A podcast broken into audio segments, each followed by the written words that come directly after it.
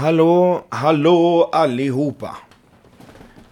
Nu vill jag äh, säg välkommen till en ny Kråkadalen-historia.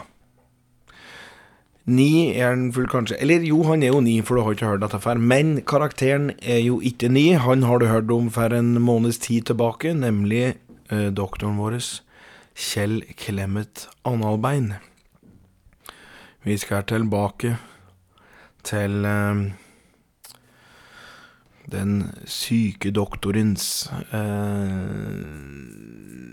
univers i dag. Eh, og du må beklage at jeg er litt eh, hås i dag. Uh, på fritida, holdt jeg på å si, altså på arbeidstida, så skriker jeg ganske mye, og det, det får jeg atterferd på fritida, kan jeg si. Uh, men det får bare hoie ut hvis det du ikke får med det her jeg sier. La, la, la, la, ja, ja, ja.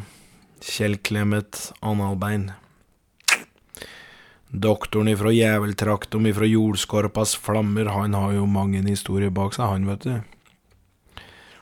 Og vi skal nok starte dagen med den gangen det var ei mor som hadde sjæl glemt bort sin barndom, riktignok. Hun hadde tatt med seg dattera si til doktor Kjell Clemet. Fordi dattera hennes hadde jo begynt å miste tenner. Noe som ikke akkurat er uvanlig, egentlig. Men eh, mor syns dette var gruvalt, da. Og hun syns heller ikke at det virker riktig at hun skulle miste tenner i så ung alder, når hun sjæl fortsatt hadde sine tenner. Uh, så hun håpte jo da at doktoren skulle ha både svar og eventuelt bidra med noe hjelp da, for å få tenna på plass igjen. Kjell Clemet han hadde jo ikke vært borti tannløshet før, han. Og sjøl hadde han òg et anstrengt forhold til sin barndom, da, så han hadde jo fortrengt alle de gangene far hans slo ut hans egne tenner. Det eneste han minnes, er de gangene han sjøl måtte til en slags sjaman ute ved svenskegrensa som kunne få på plass nye tenner, da. Så Men herregud. Det var andre tider. I dag veit vi jo at de små mister tenner og får nye. Men dessverre, da, så mintes ikke mor til denne jenta og doktor Kjell dette her. Så vesle Nora, hun Ja, det var for ikke akkurat et vellykket første tannlegebesøk, dette her. For Kjell Clemet, han var jo ingen sjaman, vet du. Men det skal han ha. Han, han, hadde jo en løsning på absolutt alt, og det var jo ikke noe annerledes denne gangen her. For han hadde ei gaupe, han liggende på slaktebenken sin, og øh, vurderte da den store kattas øh, tenner som en mulig løsning. Men så skjønte han jo at denne lille jenta sin munn var litt for liten for å ha gaupetenner, så han tok da i stedet og trakk ut sine egne tenner og så banket han inn sine egne tenner i jenta sin munn. Og dette ble da gjort mens mor holdt jentungen fast. Og Kjell Clemet han sto med en hammer og banket inn ei hjørnetann, ei fortann og tre tenner på underkjevene der. Jenta svimte jo etter hvert av, da. Det var jo smertefullt, dette her. Og da hun våkna opp igjen, så måtte hun jo lære, å, lære seg å preke på nytt, for kjevepartiet hennes var jo helt ødelagt. Og de fem tenner som hun hadde fått, uh, fått av Kjell Clemet, de var jo altfor store, vet du. Så, og når jenta da kom til seg sjæl, så sa Kjell Clemet Du, jeg veit at når jeg har påført deg så stor skade, uh, nå har jeg gjort det, så, så derfor vil jeg at du skal få ta det på meg med samme mynt. Uh, ser du de tenna, tenna her, sa han mens han da pekte på de fem tenna som han hadde trøkket ut av gaupekjeften. Nå tar du hammeren min og banker inn de tenna der du ser jeg ikke har noen. Eh, mor til jenta fikk beskjed om å holde Kjell i hånda, mens den vesle jenta satte først i en sylskarp hjørnetann eh, i munnen på Kjell Clemet. Eh, det ble jo ikke akkurat mindre skrik i gullhuset hans, selv om det var han som var pasient, eh, og jentungen var heller ikke stødig med hammeren, så hun slo jo ut flere tenner enn det som ble satt inn, egentlig. Eh, så, så, så Og doktor Kjell Clemet han fløy ei lita stund rundt da, med fem gaupetenner og eh, så å si ingenting annet i munnen. Eh, og du kan jo tro at det ble noe jævlig med munnsår og kjøttsår og, som han drog på seg, vet du, med disse skarpe tenner der i kjeften. Så det han da gjorde etter hvert, da, det var jo at eh, en natt så gikk han bort til stallen til enkesilja, som helt etter sin husbonds død da i 1613 hadde funnet trøst hos, eh, hos hester. Så Kjell gikk inn i stallen og fant den hesten med de fineste tenna, og så slo så slo han hesten tre ganger i pannepartiet, så hesten svimte av, og så trakk han ut fem tenner, for han tenkte jo at jo større tenna er, jo mindre er det å trekke ut til et dyr. Ok. Eh, for han trengte jo Ja, ikke sant, for han trengte jo bare nukk til å fylle opp sin egen munn, da, ikke sant, og hestetenner Fem hestetenner som han gjorde her, det det, det vil jo fylle munnen til Kjell, mens han da skulle tatt ut fem eller kattetenner, så måtte han jo trykke i hele tannraden til katten. Det var altså logikken, hvis det Hvis Hvis dette hjalp noe. Eh, men i hvert fall, han gikk jo da hjem og banket inn disse fem hesteteina i kjeften sin, og så og, og, og, og han måtte òg, akkurat som vesle Nora, lære seg å, å prate på nytt igjen eh, når han fikk installert, eh, installert de nye tenna her. Så det var den. Men en dag, en annen dag, da, så hadde det kommet ei frøken, og hun het Ada Levina eh, heter hun. Og hun hadde så eh, kjærlighetssorg at hun, eh, hun visste ikke hva hun skulle gjøre av seg. Så hun bestemte seg da for å gå til doktoren da, i håp om å få reparert hjertet sitt og kinslene sine, da. Så Ja, hva er så problemet ditt da, snufsefrøken? spurte Kjell Clemet da. jo, en mann jeg er så inderlig forelsket i, vil ikke lenger være sammen med meg, og jeg har tenkt eh, lenge at om jeg er helt stille, så kanskje han vil være min igjen på nytt, da. Eh, for jeg har ikke lyst til at han skal gå ifra meg, og jeg kjenner at han fortsatt bor i hjertet mitt. Og det er så underlig vondt at han fortsatt, fortsatt bor der. Og om jeg bare da kunne få han ut derifra, så ville jeg kanskje føle meg bedre. Kanskje finne en annen husbond som er der ute, for det, det, er jo mange trivelige gubber der ute, men så lenge min største kjærlighet nekter å forlate hjertet mitt, så kan jeg umulig finne meg en ny en, svarer Ada Levina. I svarte faen. Ja, du, en slik sykdom, eller ja, hva jeg nå skal kalle det, det, altså, det må jeg dessverre sverge til at jeg aldri har vært borti, gitt, sa Kjell. Men om jeg har forstått det slik nå, så, så bor det altså en kær inni hjertet ditt som du gjerne skal ha vekk. Ja, det stemmer, svarer Ada. Aha. Men, men det kan da umulig være Digrekæren om det er slik at han bor inni der? Nei, altså det, Ja, han, altså, han, han er nok omtrent en hundre kilo diger. Med livet hårvekst både her og der, så jo, jo en Ja, skulle kanskje ikke tro at en slik kar skulle få innpass hos meg, men eh, det er nå slik, da. Å, kjære makaroni, ja. 100 kilo gubb inni hjertet høres da ganske alvorlig ut, ja. Fy fasken, ja, ja, ja. ja. Ja, nei, da, ja, du, da var det bra du tok uh, turen hit, altså. Det var det. Um, her lenge har han vært inni der, da? Undrer Clemet på, da. Ja, vi har nå vært sammen i tre år, men han forlot meg for ungefær et år siden, så sa han har sittet fast i ett år, da, svarer Ada. Faen meg spesielt at, jeg at han ikke vil være i hopet med deg, men samtidig bosette seg inni hjertet ditt, vet. Altså, Er han klar over hva slags fysisk påkjennelse det gjør mot deg, da? Altså, prater du noen ganger med han? Ja, ja, det hender jo. Vi møtes på markedet, og det kan nok hende at jeg banker på døra hans og lurer på om han vil slippe meg inn igjen i varmen, men han er dårlig til å prate for seg, så det ender sjelden opp som noe hyggelig, da. Men jeg veit jo hvor varm og god han kan være, og han behandler meg så fint de gangene vi var i hopet, så er det ikke slik som regel at etter at noen ikke vil være i hopet med deg, så er det jo bare de gode minnene som etterlates i sinnet. Sa Ada, da. Jo, det kan så være det.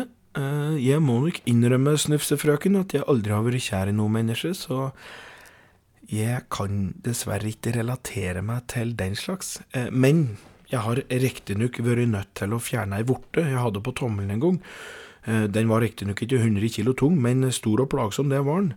Og jeg veit at følelsen av å fingre rundt noen, eller fingre rundt uten vorte, det var ganske ålreit enn det var å fingre rundt med ei vorte, da, sa Kjell Clemet. Ada Levina hever både det ene og det andre over brynet, og syns det var kanskje litt snodig sammenligning, men hun tenkte jo som så at om sant var, at han ikke hadde kjent på kjærligheten, og her har han å kunne sammenligne det med da. Så om vorta er det såreste han har kjent på i livet, så måtte jo hun bare anerkjenne og, og støtte det så godt hun kunne. Ja, Fingring med vorter kan være tungt og trist, det, sa hun, og så ga han da en trøstende hånd på skulderen, da. Ja ja, men sann, svarer Kjell. Men du har 100 kilo med kær inni deg, så um, om vi skal komme noen sted i dag, så foreslår jeg at du bare legger deg på benken, og så får vi se hva vi får til. Um, her mye veier du, da?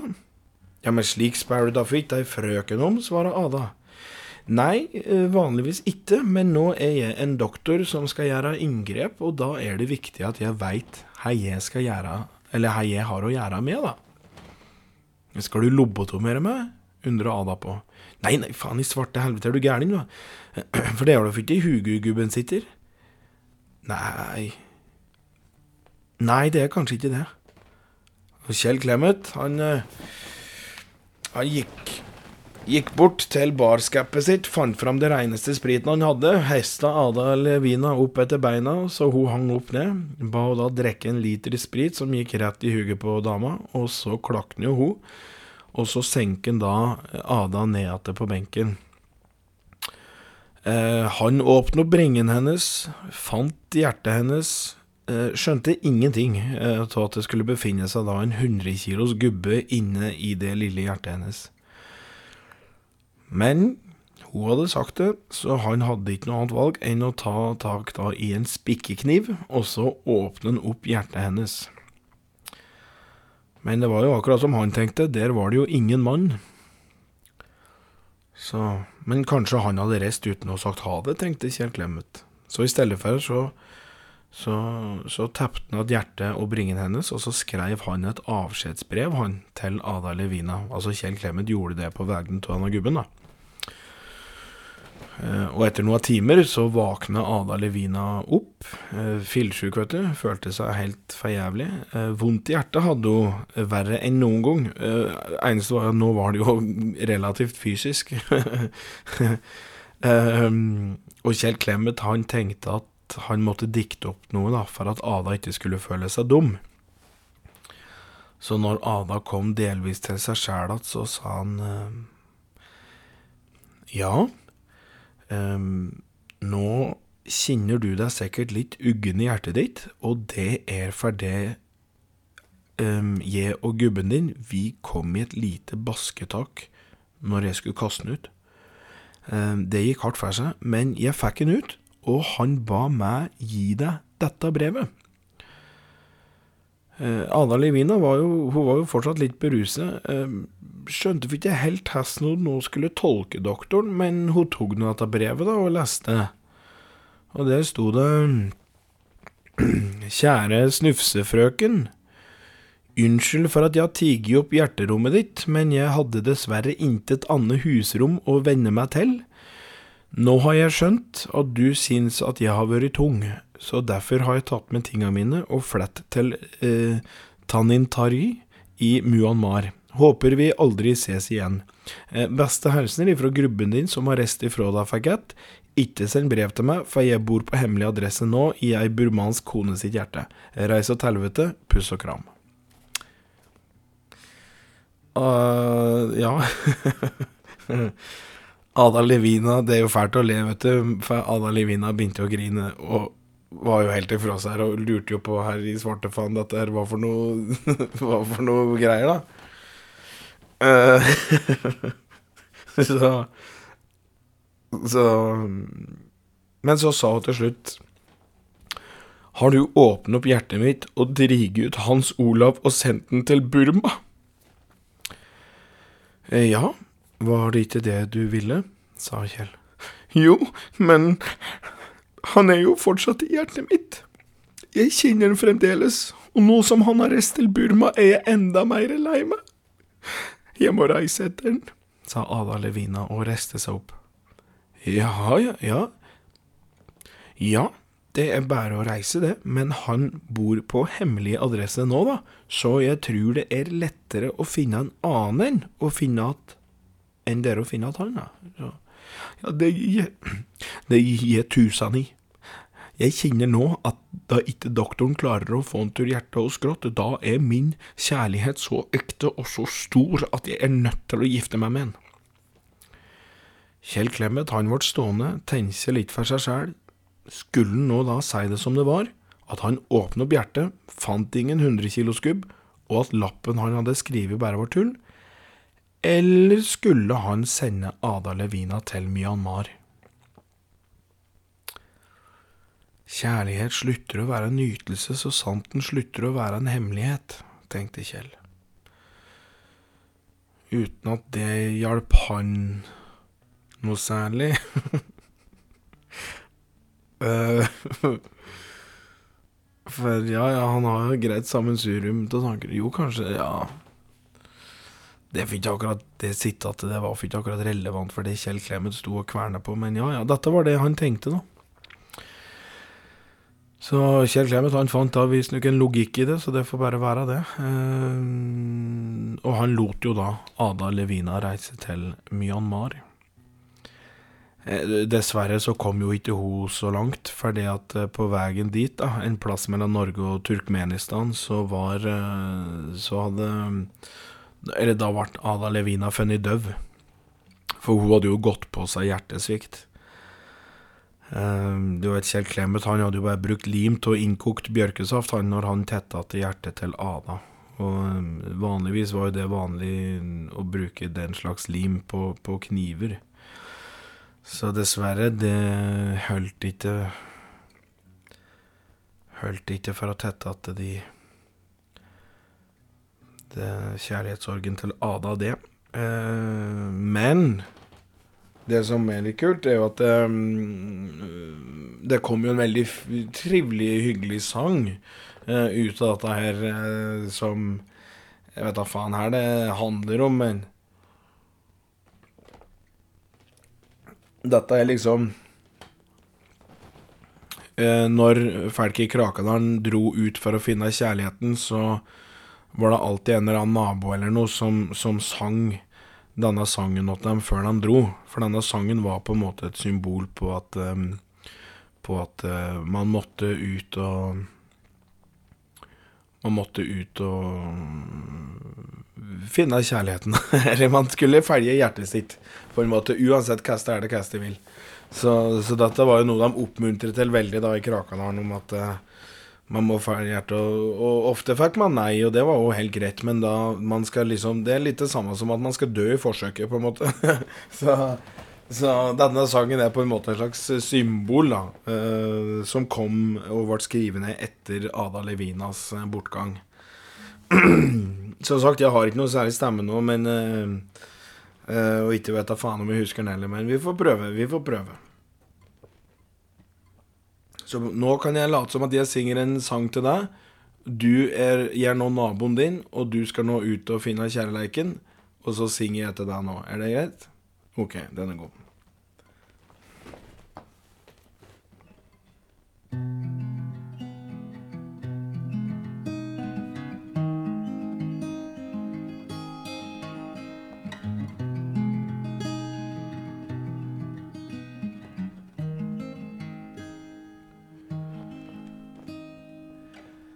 Jeg har bygd et hus av stjerner som jeg vil gi deg når du får min hånd og mitt løfte. Du kan sjå det høgt der oppe om du speider ifra toppen av verda. Jeg vil gi deg kyss og hemmeligheter. Ditt hjerte vil jeg så gjerne få holde rundt og bæra.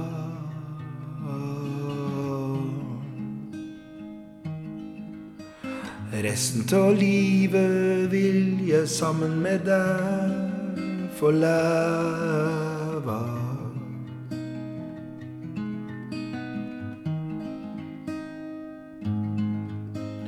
Over havet og bak et tre så har jeg plantet et frø. Der vokser våre barn, og der vil jeg dø. Dette er et stelle som kinner som hemmer. Bak huset der vi sådde våre frø, der står det et tre.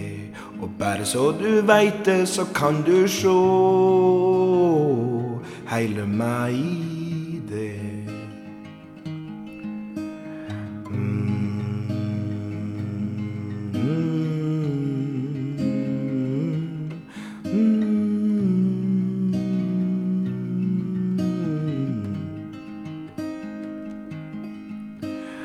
Kanskje er alt sammen drømmer og fragmenterte illustrasjoner på noe jeg skulle ønske jeg kunne tilby. Og visst blir vår reise tung og dyster. Men det aner meg at du vil være løkta som ljuser opp vår felles sti, og vi må gå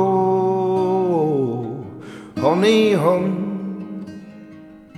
og tråkke opp egne spor, bare du og jeg.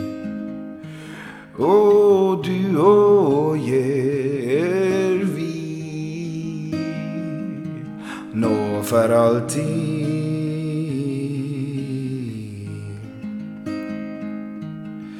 For resten av livet vil jeg sammen med deg få leve.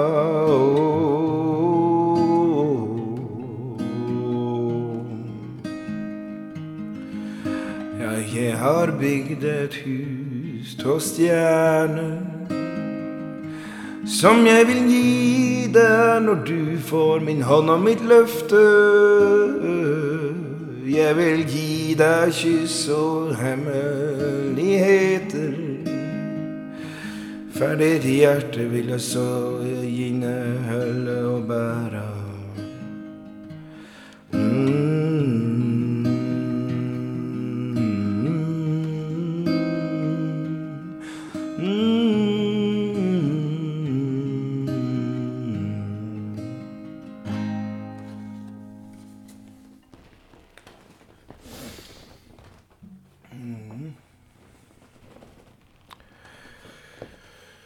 Men uh, vi skal ikke hvile i noe kjærleik i dag, for det Vi skal nå over til en troende. En stakkars skurv jævel som forviller seg inn til Kjell Clemets i gullstue. Og denne karen han hadde en illusjon om at han hadde sett ingen ringere enn Satan sjæl, faktisk. Eh, ja, eh, her kan jeg hjelpe deg med, undrer Kjell på. Du kommer, aldri, du kommer aldri til å tro på meg, men jeg var ute i skogen, plukket sopp og koste meg, og så smaka jeg litt på dem òg. Eh, kantareller blant annet, og så plutselig hører jeg Plutselig hører jeg Det suser over meg! Det suser. Og heldigvis, heldigvis var det bare vinden som blafret i tretoppa. Men så etter ei stund, så etter ei stund, så hørte jeg det suse igjen. Og heldigvis så var det bare vinden som blafret i tretoppa, det òg. Og så, og så, vet du hva som skjedde? Etter ei lita stund til, så hørte jeg at det var noe som brøle. Og det brølet, det kom faen ikke langt unna. Han sa ikke faen, det var jeg som la inn. Og det kom ikke langt unna. Og det, og, og, og, det var gudskjelov, gudskjelov bare en bjørn. Det var bare en bjørn som sto og klødde. Og han klødde seg inntil ei bjørk. Men da var jeg uansett nødt til å klatre opp i ei buske, i tilfelle bjørnpuken var sulten. Og jeg så også mens jeg satt der. Veit du hva som skjedde? Veit du hva som skjedde? Sa da den truende, eh, som kalte seg sjøl Sankt Jørgen. Eh, nei, eh, svarer Kjell. Det var en drage som kom over meg. Den hadde sju huger og ti horn, og han hadde ei krone på hvert hugu, altså sju kroner på hugua sine. Og stjerten på'n, stjerten på'n drog på hvert fall en tredjedel av himmelens stjerner, og dem dreiv han og kastet ned på jorda der jeg var, fortalte Sankt Jørgen. Å, fy faen, har du hørt det? Jo, jo med Kjell Clemet, da. Og for en gangs skyld så var kjelleren eh, litt redd. For han hadde jo en, han hadde jo en fresk eh, fascinasjon for dyr, riktignok. Men han hadde aldri før hørt om en levende drage. Også en drage som kaster stjerner ned på jorda. Det var jo det, dette var nesten litt for mye for Klemetsen her, men eh, Ja, men herr dæven, eh, herr dæven gjorde du, da? undrer Kjell på. Uff, nei, å fytti jeg, jeg satt der og tenkte, jeg satt der og tenkte at det ligger en drage framme av Babylons slott, og slottet ville han forderve. Han ville ikke ha annet til mat enn kjøttet av en kristen mann, og jeg sa til dragen, Behold ditt gull og sølv til dattera di blir vaksin, så står jeg til i himmelens tjeneste til neste gang. Gud unner meg sikkert såpass svara Sankt Jørgen. Og ja, dette skjønte Kjell Clemet svært lite da, egentlig. Ehm, ja, så Så du Så tenkte du Eller tenkte Altså, prater du med dragen, eller tenkte du med Altså, spurte han da. Nei, jeg prater med dragen. Ja, her var det du sa til dragen. Jeg sa behold ditt gull og sølv. Så dragen hadde Dragen hadde gull og sølv. Nei, nei, ikke, nei, ikke som jeg så. Nei, men Men hvorfor sa du at han skulle beholde det da? Jo, for jeg har lest ei bok at drager har gull og sølv, og kanskje var det gull og sølv de kronene man hadde på hugua sine. Kanskje han var redd jeg skulle stjele dem, og du veit, han kaster stjerner på meg, altså. Og en kaster da ikke stjerner på fremmede folk så sant du ikke tror du skal bli rana, sa Sankt Jørgen. Nei, nei, det kan jo ikke stemme, det. Um, hadde dragen et navn, da? Nei. Nei, jeg tror den bare hette Drage. Eller så var det Satan! Det var at Satan Og og, og, og, og, og, og, For veit den her?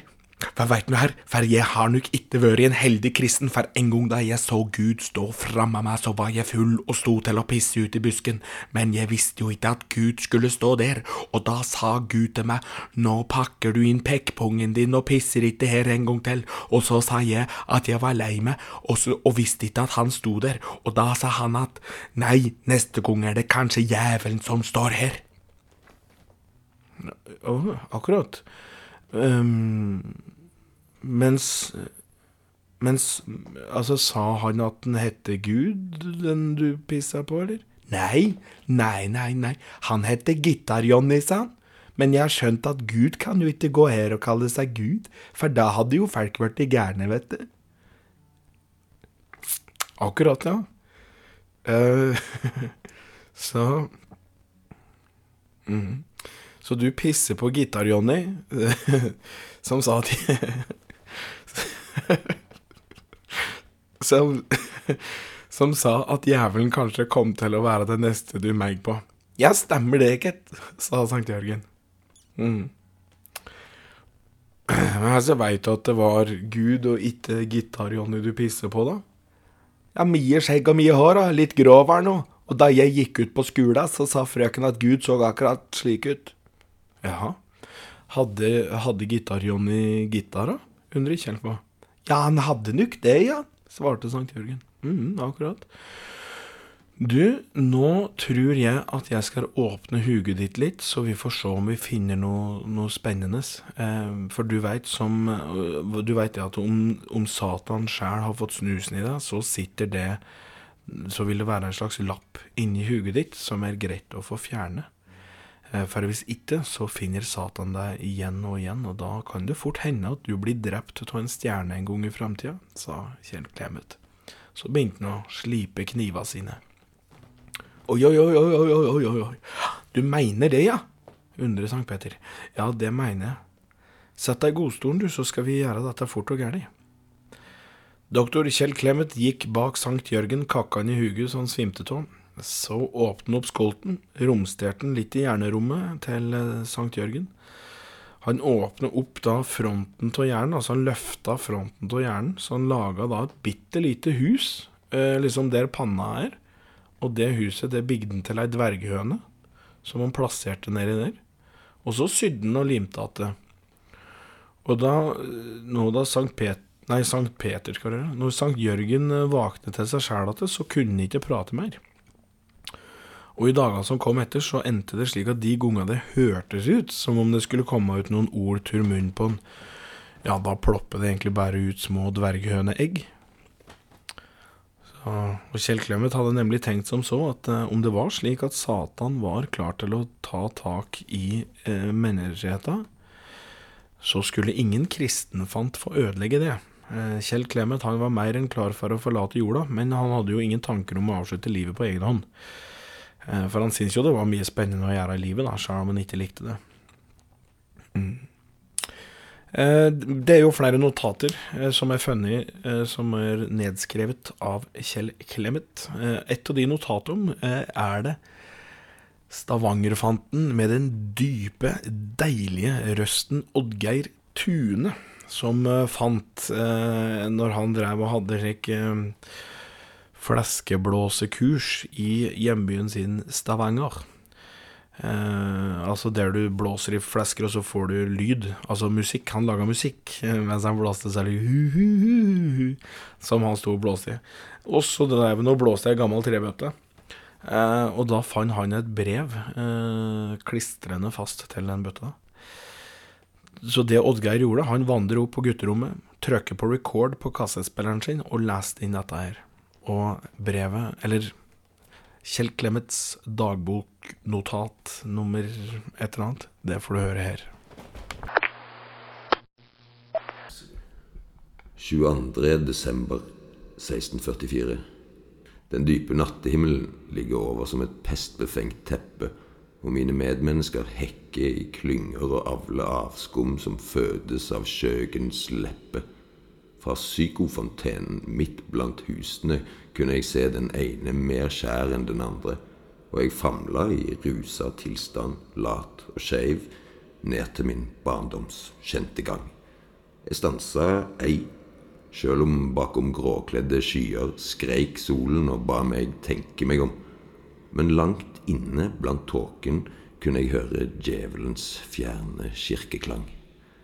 Jeg kjenner min alder omfavne meg med knytta neve, og jeg løper i redsel, i visshet om at jeg skal innhentes av gammel lengsel.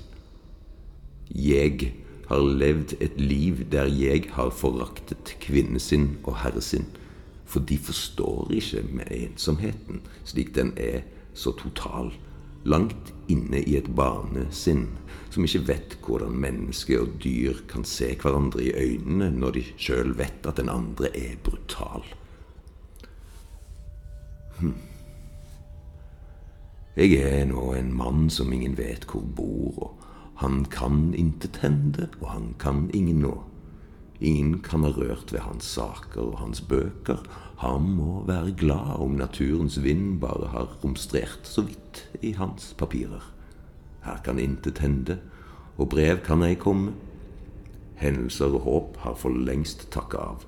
Skuffelser og miner, ja, alt er omme. Drømmene mine Drømmene har mitt øye forgjeves lett etter, helt til det fant et spindelvev på tapetet, og endelig kjente jeg erindringens verd.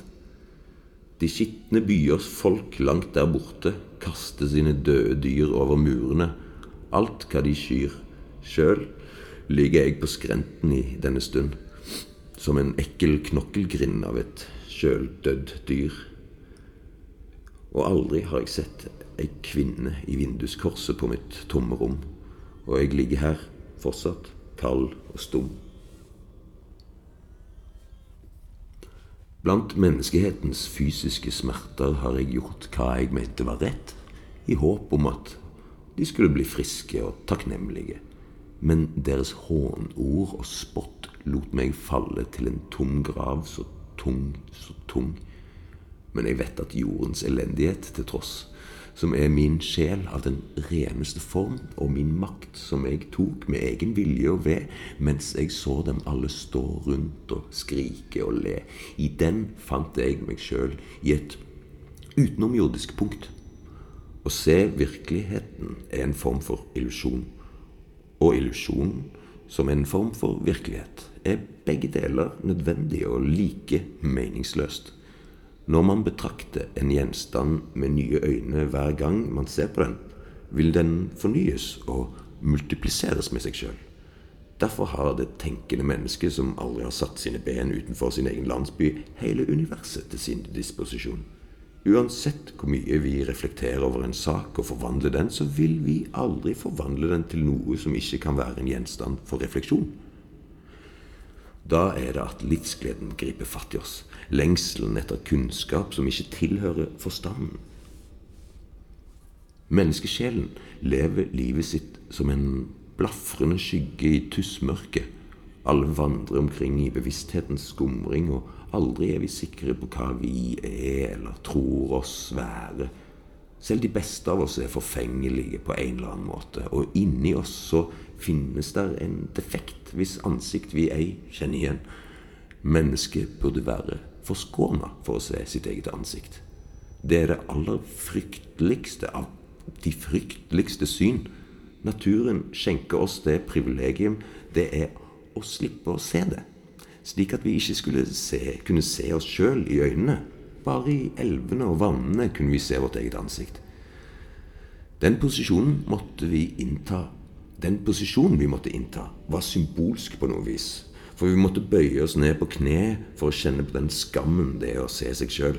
Og speilets oppfinner har så definitivt forgifta menneskets sjel. Når en gammel stakkar snart skal takke av for siste gang Ja, nå skal en gammel stakkar snart takke av for siste gang. Men vit at med pennen i hånd er blekket som tørker inn i evigheten, en hevn fra en døende skrått. Vit dere som blir igjen i ettertiden, at jeg, som en mann på jorden her hjemme, av skjød fra topp til tå, at jeg vet at den hastige, hete strålestund vil lykkes i å vekke meg igjen i en annen evighetsplott. Doktor Kjell Clemet Anne Albein.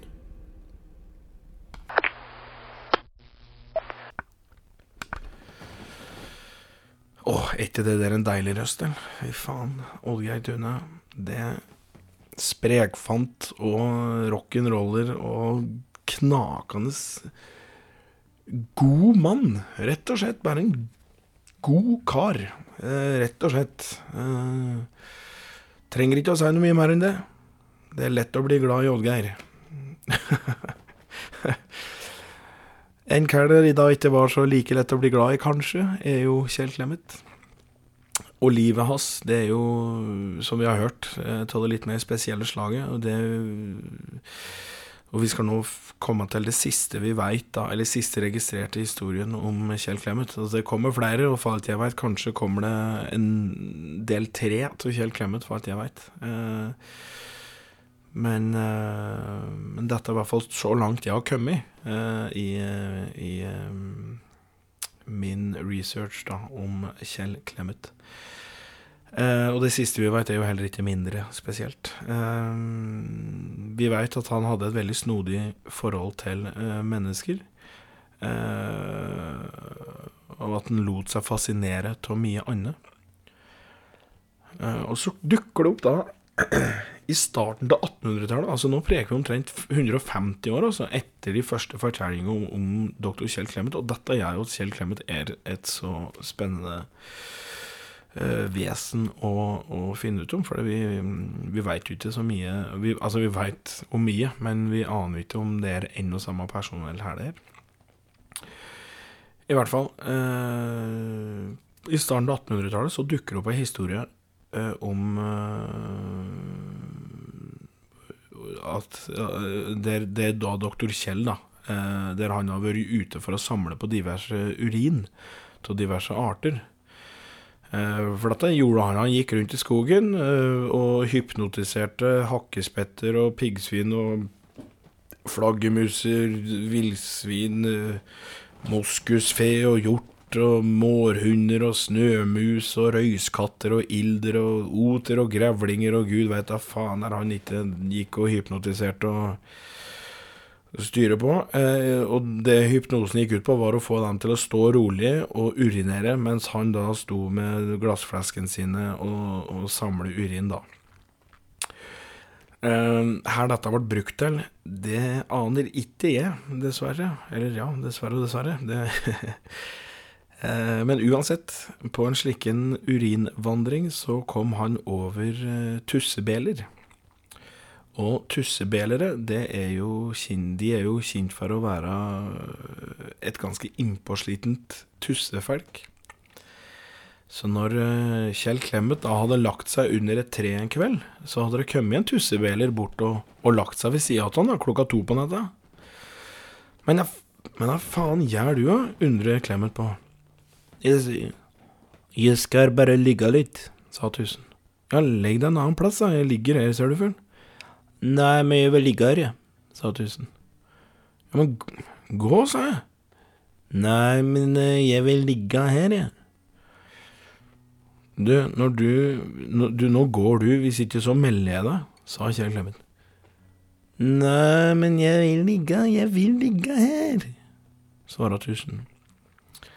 Kjell reiste seg opp og drog opp kniven sin og sa, nå går du til helvete herifra, og så finner du en annen plass å legge deg, hvis ikke så tar jeg og skjærer deg fra pekken til panna.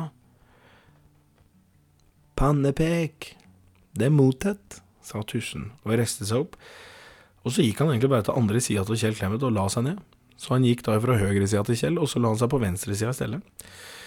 Men i svarte fana, ikke legg deg der, da! skreik Kjell Clemet. Nei, men jeg fikk ikke ligge der jeg lå, svarer Tusen. Nei, og da skal du faen ikke ligge der. Nei, men jeg fikk ikke ligge der jeg lå. Nei, men jeg mener Altså, det jeg mener, er jo at du for helvete ikke skal ligge ved sida og oppå meg. Du skal ikke være i nærheten her. Hoien kjærklemmet. Og nå hadde da flere tussebeler hørt skrikinga, og så dukke opp, da, ifra skogens merkerier. Her, her skjer tus, sa en tusse. Jeg får ikke ligge her, svarer tusen.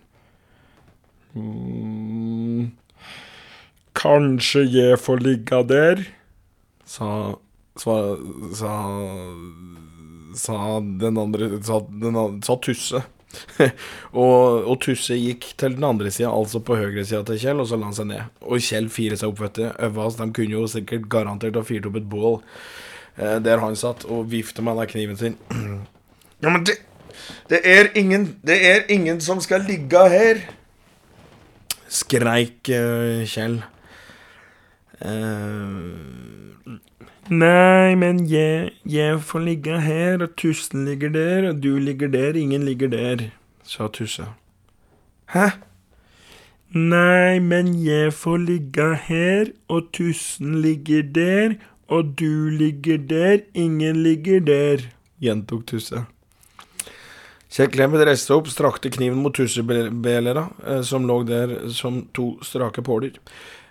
Dette er min plass, og jeg skal ligge her, og ingen andre skal sove her. Du må gå, skrek Kjell.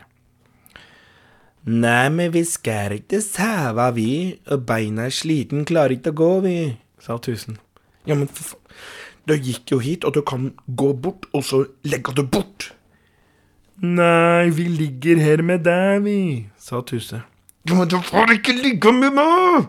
skrek Kjell. Nei, men vi ligger her, vi, sa Tusen. Og da, da klikket det for Kjell Clemet, og så fant han fram ei pissflaske som eh, som en moskus hadde pisset på, eh, og, og så helte han dette over tussebelera. Eh, men det skulle han jo ikke ha gjort. Det skulle han virkelig ikke gjort. For da kom det hundrevis av tusser skrikende eh, ut ur skogen og holdt nede mens de en etter en gikk og pisset i munnen til Kjell Clemet. Og til slutt så ble det jo så mye urin at en Kjell Clemet han drukner jo, så klart. Og det, og det er fakta. Hvis du nå skal du f.eks. nå tar deg en dagstur eller vandretur da ute i Krakadalen, og så finner du en plass som lufter litt urin, da er det en plass som kalles eh, Bovida. Og om du er helt tyst, så kan du høre Kjell Clemets gurglende rop om hjelp inne i et av de trea som står der. Faktisk. Så slik er det. Eh, livet er hårdt på skogen. Eh, jeg vil først og fremst takke Oddgeir Tune, selvfølgelig, som er eh, dagens brevleser. Og utover det, når vi høres igjen, det aner ikke jeg. Eh, det må gjerne være Ja, spre ordet topp, og, og bare Ja, husk at hver episode er avsluttende. Dette, du trenger ikke å starte på episode én eh, for å begynne på dette her. Bare, jeg bare registrerer det. At, eh, at Krakadalen, altså første episode, den er spilt av veldig mange ganger. Veldig trivelig. Men den har eh, De andre har ikke så mange, så bare Men, men fortsett å høre på. Eh, dette er jævla trivelig. Eh, jeg blir nok litt opptatt framover, men eh, jeg kommer før det andre ordet av det. Tusen takk. Ha en riktig så flott dag videre. Jeg er glad i de fleste av dere. Og til dere, ikke, til dere som jeg er litt usikker på, jeg kjenner dere ikke. Det er bare derfor. Men jeg er litt glad i dere òg. OK. Hei og hå. Adjø. Ha det.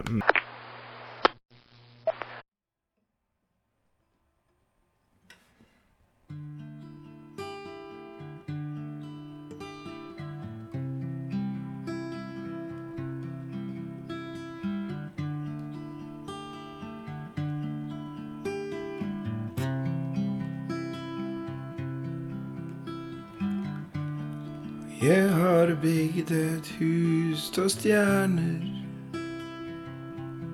som jeg vil gi deg når det du får min hånd og mitt løfte. Du kan sjå det høgt der oppe. Om du speider ifra toppen av verda.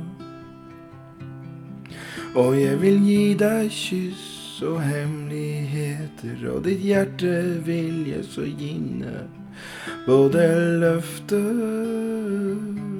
og bære. Og resten av livet vil jeg sammen med deg få leve. La, la,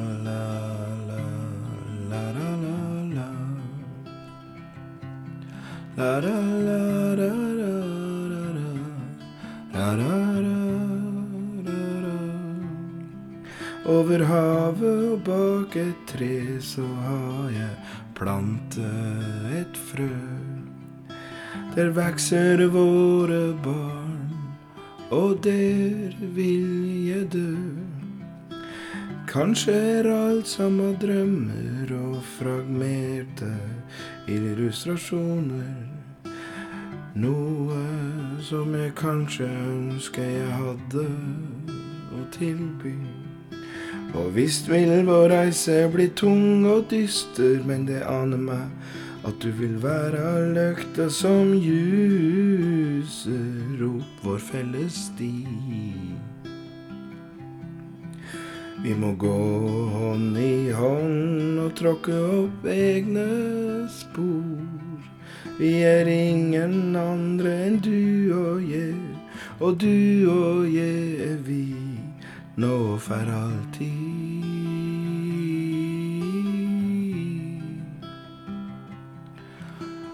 La, la, la, la, la, la, la, la.